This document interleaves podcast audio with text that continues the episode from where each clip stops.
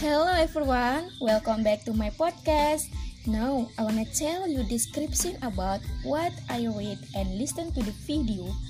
I watching two videos about what is the imposter syndrome and the difference between healthy and unhealthy love.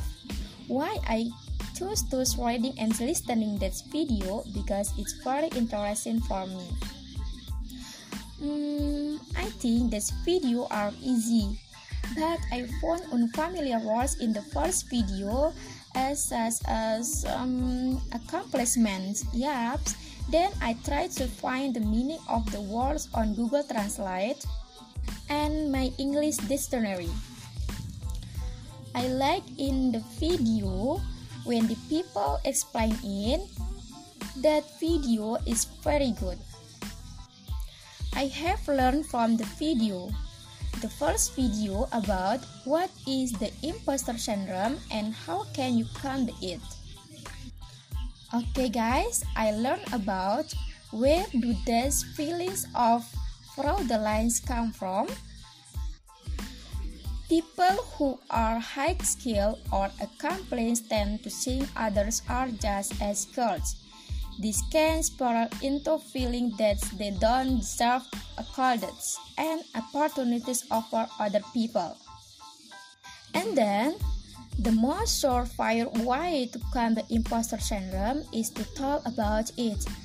Many people suffering from imposter syndrome are afraid that if they ask about their performance, their worth will be confirmed. And even when we receive positive feedback, it often falls to easy feelings of fraudulence, but on the other hand, hearing that an advisor or mentor has experienced feelings of imposter it can help relieve those feelings. Mm, okay guys, that is I have learned from the first video.